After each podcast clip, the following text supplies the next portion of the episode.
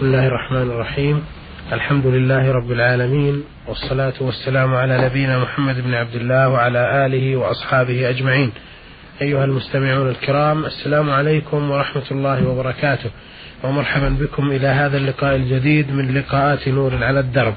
يسرنا أن نعرض ما لدينا من رسائل في هذه الحلقة على سماحة الشيخ عبد العزيز بن عبد الله بن باز الرئيس العام لإدارات البحوث العلمية والإفتاء والدعوة والإرشاد. أولى رسائل هذه الحلقة وردت من السائلة مها ألف ميم من الرياض. تقول في رسالتها هل يجوز للمرأة أن تكشف وجهها ورأسها أمام أخي زوجها البالغ الذي يعيش معها ومع زوجها في بيت واحد؟ أفيدونا أفادكم الله. بسم الله الرحمن الرحيم. الحمد لله وصلى الله وسلم على رسول الله. وعلى آله وأصحابه ومن اهتدى بهداه. أما بعد فلا شك أنه لا يجوز للمرأة أن تكشف وجهها ولا رأسها لأخي زوجها سواء كان عاش معه في البيت أم كان خارج البيت ما دام قد بلغ الحلم يعني أكمل خمسة عشر سنة أو بلغ الحلم بغير ذلك. لأن الله يقول جل وعلا وإذا بلغ الأطفال الحلم فليستأذنوا. فدل ذلك على أنهم حينئذ يجب الحجاب عنهم. فعلى المرأة أن تحتجب عن أخي زوجها وعن عم زوجها وعن خال زوجها لأنهم ليسوا محارم فتحجب وجهها ورأسها وسائر بدنها لأن إبداء شيء من ذلك يعرضها للفتنة ويعرضه للفتنة. والله يقول جل وعلا ولا يبدين زينتهن إلا لبعولتهن أو آبائهن أو آباء بعولتهن آية. ويقول سبحانه وإذا سألتموهن متاعا فاسألوهن من وراء حجاب. ذلكم أطهر لقلوبكم وقلوبهن. أما أبو الزوج وجد الزوج فهؤلاء محارم. أبوه من جهة أبيه وأبوه من جهة أمه وجده من جهة أبيه وجده من جهة أمه كلهم محارم. هكذا أولاده وأولاد بناته وأولاد بنيه كلهم محارم. أما الإخوة والأعمام والأخوال وبنو العم وبنو الخال هؤلاء كلهم أجانب. عليها أن تحتجب منهم ولو كان بعضهم عاش معها في البيت. بارك الله فيكم.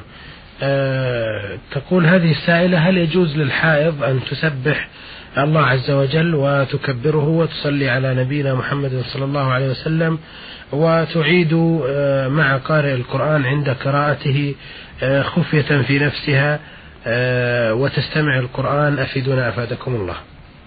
يشرع ذكر الله لكل أحد سواء كانت حائضا أو نفساء. أو كانت جنوبا وهكذا الرجل إذا كان جنوب جنوبا مشروع ذكر الله للجميع. قالت عائشة رضي الله عنها كان النبي صلى كان النبي صلى الله عليه وسلم يذكر الله على كل أحيانه.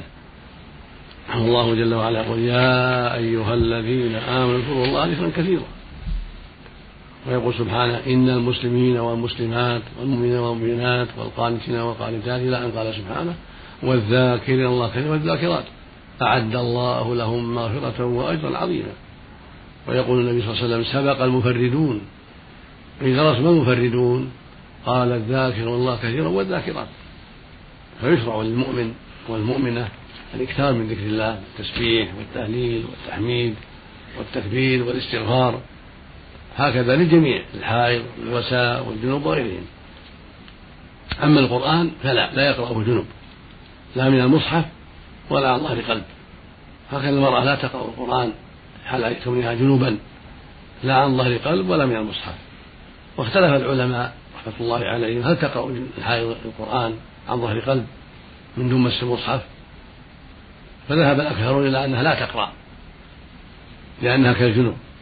وذهب جمع من أهل العلم إلى أنه يجوز لها أن تقرأ لعدم الدليل على المنع لأن مدتها تطول وهكذا النفاس يطول فليس مثل الجنوب. الجنوب مدته قليلة يغتسل ويقرأ. لكن الحائض والنفساء مدتهما تطول. فعليهما مشقة كبيرة في عدم القراءة. ولهذا الصواب أنه لا بأس ولا حرج في قراءتهما القرآن عن ظهر قلب من دون مس المصحف وأما حديث لا يقرأ القرآن لا يقرأ القرآن لا يقرأ شيء من القرآن الحائض والجنوب فهو حديث ضعيف عند أهل العلم. وإنما الذي ينكر هو هو قراءة الجنوب. فالجنوب لا يقرأ. لأنه صح أن النبي صلى الله عليه وسلم أنه كان لا يمنعه شيء من القرآن إلا جنابه. وكان وخرج ذات يوم إلى أصحابه فقرأ شيئا من القرآن فقال هذا لمن ليس جنوبا. أما الجنوب فلا ولا آية. فدل ذلك على أن الجنوب لا يقرأ القرآن حتى يغتسل سواء كان ذكرا أو أنثى. نعم. بارك الله فيكم. آه هذه رسالة وردت إلى البرنامج من صديق عمر آه سوداني مقيم في مكة المكرمة.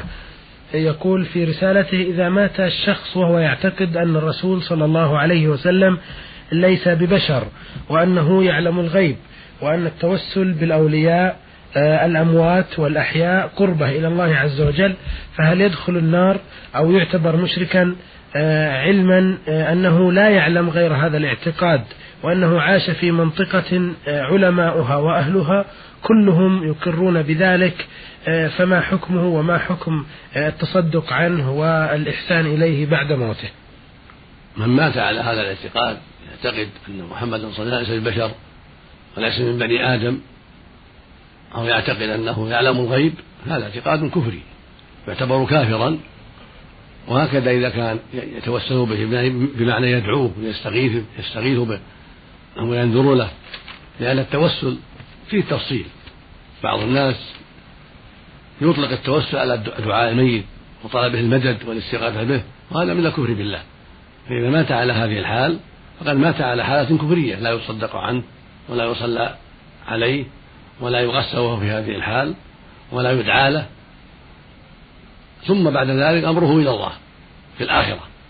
إن كان عن جهل عن جهالة عن عدم بصيرة وليس عنده من يعلمه فهذا حكم حكم أهل الفترة يوم القيامة يمتحنون ويؤمرون فإن أجابوا وأطاعوا نجوا ودخلوا الجنة وإن عصوا دخلوا النار. أما إن كان يعلم ولكنه تساهل ولم يبالي هذا حكم حكم كفرة لأنه مكذب لله عز وجل. الله جل وعلا بين أن محمد بشر وبين سبحانه أن لا يعلم الغيب إلا الله وأنه مستحق العبادة. فالذي يعتقد أن محمد ليس ببشر وأنه يعلم الغيب قد كذب الله عز وجل فيكون كافرا نسأل الله العافية.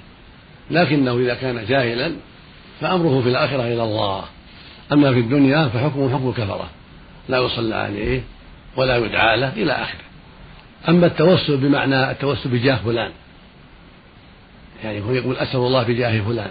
أسأل اللهم إني بجاه محمد صلى الله عليه وسلم بجاه الأنبياء بحق الأنبياء هذا في خلاف بين العلماء. منهم أجازة ومنهم من منعه وليس بشرك من أجازه رأى أنه وسيلة لا بأس بها ومن منعه يرى أنه بدعة وليس بشرك لأن الوسائل لا بد يأتي فيها النص لا بد أن تعرف من النصوص. ولم ولم يأتي في النص ما يدل على أن التوسل بجاه فلان أو حق فلان أنه جائز وأنه شرعي. بل جاءت النصوص تدل على أن هذا ليس بشرعي وليس بجائز بل هو بدعة. لأن الله سبحانه يقول ولله الأسماء الحسنى فادعوه بها. هذه الوسيلة. تسأل ربك بأسمائه يا ربي يا رحمن يا رحيم اغفر لي أنجني من النار. يا سميع الدعاء. يا حي يا قيوم. إلى غير ذلك. تسأله بأسمائه وصفاته سبحانه وتعالى. وهكذا التوسل بالتوحيد والإيمان. تقول اللهم إني أسألك بأني أشهد أنك أنت الله لا إله إلا أنت. بأني أؤمن بك وبأنبيائك ورسلك هذه وسيلة شرعية لا بأس بها. أو تسأله بأعمالك الصالحة اللهم إني أسألك ببري لوالدي وطاعتي لك ولرسولك أن تغفر لي أن تهب لي كذا وكذا لا بأس. كما ثبت في الحديث الصحيح في قصة أهل الغار وهم ثلاثة آواهم المبيت والمطر إلى غار. فلما دخلوا فيه انحدرت عليهم صخرة من أعلى الجبل فسدت الغار عليهم ولم يستطيعوا الخروج ولم يستطيعوا دفعها. فقالوا من بينهم لن ينجيكم من هذا إلا أن تدعوا الله بصالح أعمالكم. فتوجهوا إلى الله سبحانه وسألوه ببعض أعمالهم الطيبة. فقال أحدهم اللهم إنه كان أبوان شيخان كبيران وكنت وكنت لا أغبق قبلهما أهلا ولا مالا. يعني لا أسقي الغبوق واللبن في الليل قبلهما أهلا ولا مالا. وإنه لآبي طلب الشجر ذات ليلة فلم أروح عليهما إلا وقد ناما. فحلبت لهما غبوقهما وجعلته على يدي ووقفت أنتظر ووقفت أنتظرهما حتى طلع الفجر واستيقظا فسقيتهما اللهم إن كنت تعلم أني فعلت هذا ابتغاء وجهك فاخرج عنا ما نحن فيه. فانفردت الصخرة بعض الشيء لكنه لا يستطيع الخروج. والثاني توسل بعفته عن الزنا. كانت ابنة عم يحبها كثيرا وأرادها نفسها فأبت عليه. ثم إنها ألمت بها حاجة شدة فجاءت إليه تطلب منه حاجة فأبى عليها إلا أن تمكنه من نفسها. فوافقت على هذا من أجل الحاجة. وأعطاها مئة مئة دينار وعشرين دينار. فلما جلس بين رجليها قالت له يا عبد الله اتق الله ولا تفض الخاتم إلا بحقه فخاف من الله حينئذ وقام عنها وترك لها الذهب خوفا من الله عز وجل. فقال اللهم إن كنت تعلم أني فعلت هذا ابتغاء وجهك فاخرج عنا ما نحن فيه. ففرجت الصخرة أكثر لكن لا يستطيع الخروج. ثم قال الثالث اللهم إني استأجرت أجرا. فأعطيت كل واحد منهم أجره إلا واحدا ترك أجره فنميته له. حتى اشتريت منه إبلا وبقرا وغنما ورقيقا. فجاء يطلب أجره. فقلت له كل هذا من أجلك يعني الإبل والبقر والغنم والرقيق. فقال يا عبد الله اتق الله ولا تستهزئ بي. فقلت إني لا أستهزئ بك. إنه, كل إنه كله مال.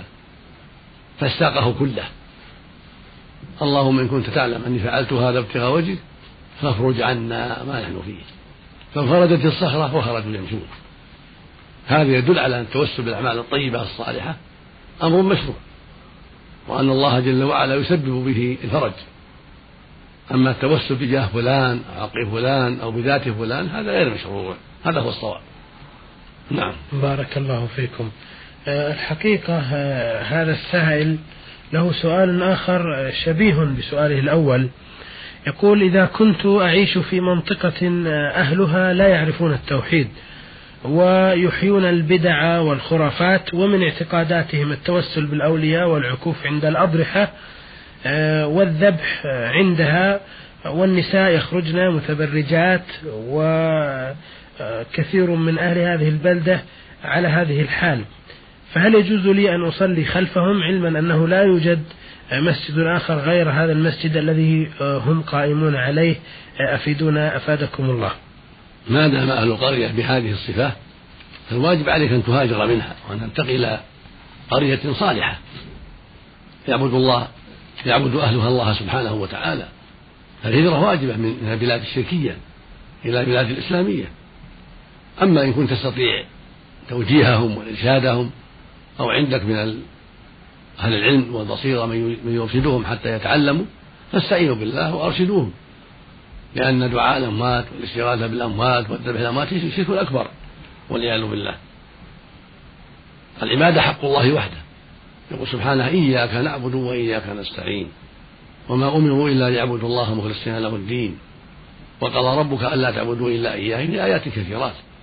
فالواجب إخلاص العبادة لله وحده لا يدعى إلا هو سبحانه وتعالى ولا يستغاث إلا به ولا يصلى إلا له ولا يسجد إلا له فالذي يطلب الأموات المدد ويستغيث بهم قد أشرك بالله سبحانه وتعالى.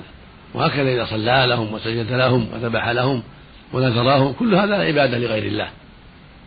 فيجب عليه التوبة من ذلك والرجوع إلى الله والندم ومن تاب تاب الله عليه. فالعبادة حق الله. يجب إخلاصها لله. وهكذا لا يجوز للنساء التبرج بين الرجال وإخراج الزينة هذا من المنكرات ومن أسباب الفتن وظهور الفواحش فالواجب إنكار ذلك. فالخلاصة أن عليك يا عبد الله أن تنصح أهل هذه القرية وأن تطلب لهم العلماء ولو من جوا من بلاد أخرى يأتون إليهم حتى يرشدوهم حتى يعلموهم حتى ينصحوهم. لا يجوز تركهم على هذه الحالة السيئة بل يجب أن يوجهوا إلى الخير وينصحوا وأن يطلب لهم العلماء من الأقطار الأخرى التي بقربهم من أهل التوحيد حتى ينصحوهم حتى يوجهوهم. وإذا كنتم في السودان فعندكم أنصار السنة اطلبوا منهم من يأتي إليكم وينصحكم ويوجه هؤلاء إلى الخير. وهكذا في أي بلاد اطلب الذين يعرفون التوحيد ويدعون إلى التوحيد حتى يحضروا إلى هذه القرية حتى يرشدوهم حتى يعلموهم. فالدين النصيحة. والله يقول جل وعلا ادع إلى سبيل ربك بالحكمة والموعظة الحسنة وجادلهم بالتي أحسن. ويقول النبي صلى الله عليه وسلم لأمير المؤمنين علي بن أبي طالب رضي الله عنه لما بعثه إلى خيبر قال ادعوهم إلى الإسلام يعني اليهود. وأخبرهم ما يجب على الله وأخبرهم بما يجب عليهم حق الله تعالى فيه. ثم قال فوالله لأن يهدي الله بك رجلا واحدا خير لك من حمر النعم. يعني خير لك من جميع النوق الحمر. والمعنى خير لك من الدنيا وما عليها. فدل ذلك على عظم شأن الدعوة إلى الله وإرشاد الناس وأنها قربة عظيمة. فلا يجوز إهمال القرى الجاهلة التي يقع فيها الشرك والمعاصي الظاهرة. بل يجب إرشادهم وتوجيههم إلى الخير وتعليمهم ما وجب الله عليهم حتى يزول الشرك وحتى تختفي المعاصي. رزق الله الجميع التوفيق والهداية. نعم. بارك الله فيكم. هذا فرحان عويض المطيري من آه، قرية المخامر أو المخامير. آه، بعث إلينا بهذه الرسالة يقول آه، عندما يحتاج شخص إلى نقود يذهب إلى شخص آخر ويقول له أريد منك أن تدينني سيارة. ويستجيب الآخر لطلبه ويذهبان إلى المعرض. ويتفقان على البيع مؤجلا قبل شراء السيارة. فإذا اتفقا على القيمة وعلى الربح اشترى آه، صاحب المال السيارة آه، ودفع المبلغ إلى صاحب المعرض ثم بيعت السيارة آه، على حساب المشتري الثاني نقدا. فهل هذا البيع حلال أم حرام؟ أفيدونا أفادكم الله. وإذا كان حراما فما هي الطريقة التي يحصل بها المحتاج المال إلى المال بالوجه الشرعي. أفيدونا أفادكم الله. هذا البيع بهذا الوجه الذي ذكرت وبهذه الصفة التي ذكرت لا يجوز لأنه بيع للمال قبل شرائه وقبل قبضه. فليس لأحد يبيع مالا لا سيارة ولا غيرها حتى يشتريها حتى يحوزها النبي صلى الله عليه وسلم قال لا تبع ما ليس عندك. وقال لا يحل سلف وبيع ولا بيع ما ليس عندك. وقال زيد بن ثابت رضي الله عنه نهى النبي صلى الله عليه وسلم أن تباع السلع حيث تبتاع حتى يحوزها التجار إلى رحالهم. فالطريق الشرعي أنه يشتري السلعة ممن هي عنده موجودة قد حازها. فإذا اشتراها بعد ذلك ينقلها إلى بيته أو إلى السوق أو إلى محل آخر ثم يبيعه على الناس بالنقد. أما أنه يتفق مع إنسان يشتري منه والسلعة عند الناس ما بعد اشتريت. هذا لا يجوز. هذا بيع شيء بيع لم يملكه صاحبه. الحاصل أن الخلاصة أن من أراد سلعة سيارة أو أكياس رز أو سكر أو غير ذلك يشتري السلعة بعدما يملكها مالكها. يعني صاحب السلعة هو صاحب السيارة يكون قد ملكها. صاحب الرز كذلك يكون عنده في بيته في في مخزنه في مخاره يكون عنده المال. فتشتري منه هذا المال موجود عنده بثمن معلوم إلى أجل معلوم. ثم أنت تقبض هذه السلعة وتذهب بها إلى بيتك أو إلى سوق السوق المعروف ثم تبيعها بعد ذلك بالنقد على الناس. لا تبيع على من باعها من باعها عليك لا. لا تبيع عليه بأقل من ثمانية لأنك شريتها به لا. لكن تبيع على الناس. أما لو بعت عليهم بأقل يكون عينة ما تجوز. ويكون حيلة على بيع نقود قليلة بنقود كثيرة هذا ربا. لكن إذا اشتريتها من اشتريتها من زيد مثلا تبيعها على الناس على غيره. وتنقلها من محله من دكانه من معرضه تنقلها إلى محل آخر ثم تبيع على الناس بالنقد لحاجتك. هذا الطريق الشرعي. أما أن تتفق مع زيد تشتري منه شيء عند غيره ما بعد ملكة. ثم هو يشتري لك بعد ذلك ويبيع عليه هذا ما يجوز. يجب إنكاره. نسأل الله للجميع الهداية. نعم. بارك الله فيكم. آه هذه رسالة وردتنا من أحمد سالم الحامد آه من الإمارات العربية المتحدة من أبو ظبي. آه يقول في رسالته ما حكم من يصوم شهر رمضان ويحافظ على صيامه في كل عام لكنه لا يصلي إلا في رمضان فقط؟ آه، ولا يصلي في غيره. وأحيانا يصلي بعض الفروض ويترك بعض بدون عذر شرعي. هل يعتبر مثل تارك الصلاة بالكلية؟ وأحيانا يصلي الجمعة فقط والعيدين وغيرها لا يصلي. وأحيانا يصلي بمفرده وهو يسمع الندى والمسجد قريب. أفيدونا أفادكم الله. مثل هذا لا يصح صيامه. لأن ترك الصلاة كفر أكبر على الصحيح من أقوال العلماء. الذي يصوم رمضان ويدع الصلاة؟ قد كفر بتركه الصلاة. وبطل عمله. لأن الله قال جل وعلا ولو أشركوا لحبط عنهم ما كانوا يعملون. وقد ثبت عن رسول الله عليه الصلاة والسلام أنه قال رأس الأمر الإسلام يعني الشهادة يعني الشهادتين وعموده الصلاة وليلة سلامه الجهاد في سبيل الله. وقال عليه الصلاة والسلام العهد الذي بيننا وبينهم الصلاة فمن تركها فقد كفر. وقال أيضا عليه الصلاة والسلام بين الرجل وبين الكفر والشرك ترك الصلاة. هذه الأحاديث الصحيحة وما جاء في معناها كلها تدل على كفر تارك الصلاة. الذي ما يصلي إلا في رمضان ثم يدع الصلاة أو يصلي بعض الشهور ويدع بعض الشهور أو بعض الأيام ويدع بعض الأيام أو يصلي الظهر يترك العصر أو الفجر ويترك الظهر أو يترك المغرب أو, أو ما أشبه ذلك. كل هذا متلاعب. هذا لا دين له. يجب أن يصلي الصلاة الخمس جميعا ويحافظ عليها ويتقي الله. أما إذا كان تارة وتارة فهذا لا يصلح. ولا يكون مسلما يعني على الراجح من قولي العلماء. أما إن جحد وجوبها قال ما هي بواجبة هذا كافر عند الجميع نسأل الله العافية.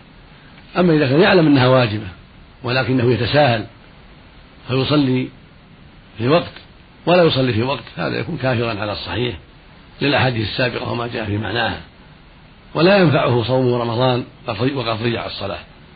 فالواجب عليه التوبة إلى الله والندم واستقبال زمانه بالتوبة الصادقة وبأداء الصلاة. ومن تاب تاب الله عليه سبحانه وتعالى. نعم. بارك الله فيكم. هذه رسالة وردتنا من سين صاد عين مقيم بالرياض. يقول في رسالته أنا شاب عمري خمسا وعشرين سنة.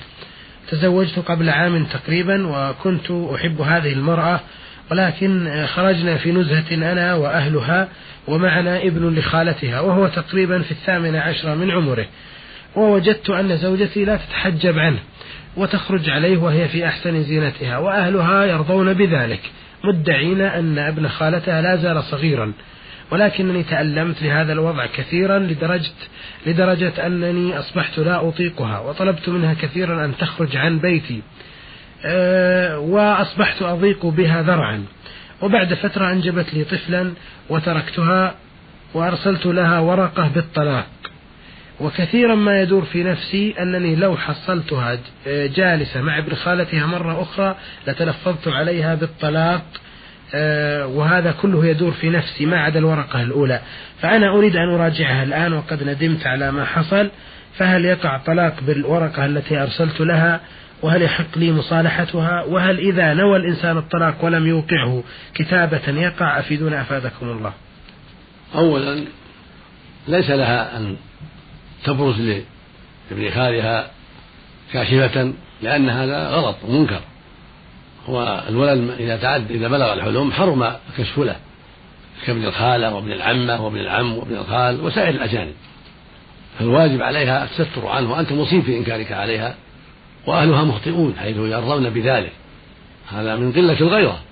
فالواجب على عليها أن تستتر وأن تتحجب منه وعليك أيضا أن تأمرها بذلك وأن تلزمها بذلك وعلى أهلها أن يلزموها بذلك. وهذا هو الواجب على الجميع من باب إنكار المنكر. أما ما كتبت لها من الطلاق فيقع بها طلقة إذا كانت طلقة واحدة يقع بها طلقة. ولك أن تراجعها. إن كانت في العدة تراجعها بدون عقد تقول الشهادة فلان وفلان شاهدين. أن راجع زوجة فلان هذا هو السنة. تشهد اثنين أنك راجعت زوجك وفلان تسميها لهم. ما دامت في العدة لم تحيض ثلاث حيضات بعد الكتابة. أما ما وقع في نفسك من قصد الطلاق لو رأيتها معه هذا ما يضر. ما يقع في النفس من الحديث لا يقع لا يقع به شيء. فلو طلق في نفسه ولم يتكلم ولم يكتب لا يقع شيء. يقول النبي صلى الله عليه وسلم إن الله تجاوز عن أمتي ما حدث به أنفسها ما لم تعمل أو تكلم. هذا من رحمة الله سبحانه وتعالى. أن حديث النفس لا يقع به شيء لا طلاق ولا عتق ولا غيرهما. وعليك بعد أن ترجع إليها أن تنصحها وتشدد عليها في هذا الشيء حتى تعرف الأمر الشرعي وحتى تتأدب بالآداب الشرعية. نعم. بارك الله فيكم. لهذا مستمعي الكرام نصل إلى نهاية هذه الحلقة. فنشكر سماحة الشيخ عبد العزيز بن عبد الله بن باز على إجاباته ونشكركم على حسن متابعتكم ولكم تحية من مسجل هذه الحلقة مطر الغامدي وإلى الملتقى في حلقات قادمة. أستودعكم الله تعالى والسلام عليكم ورحمة الله وبركاته.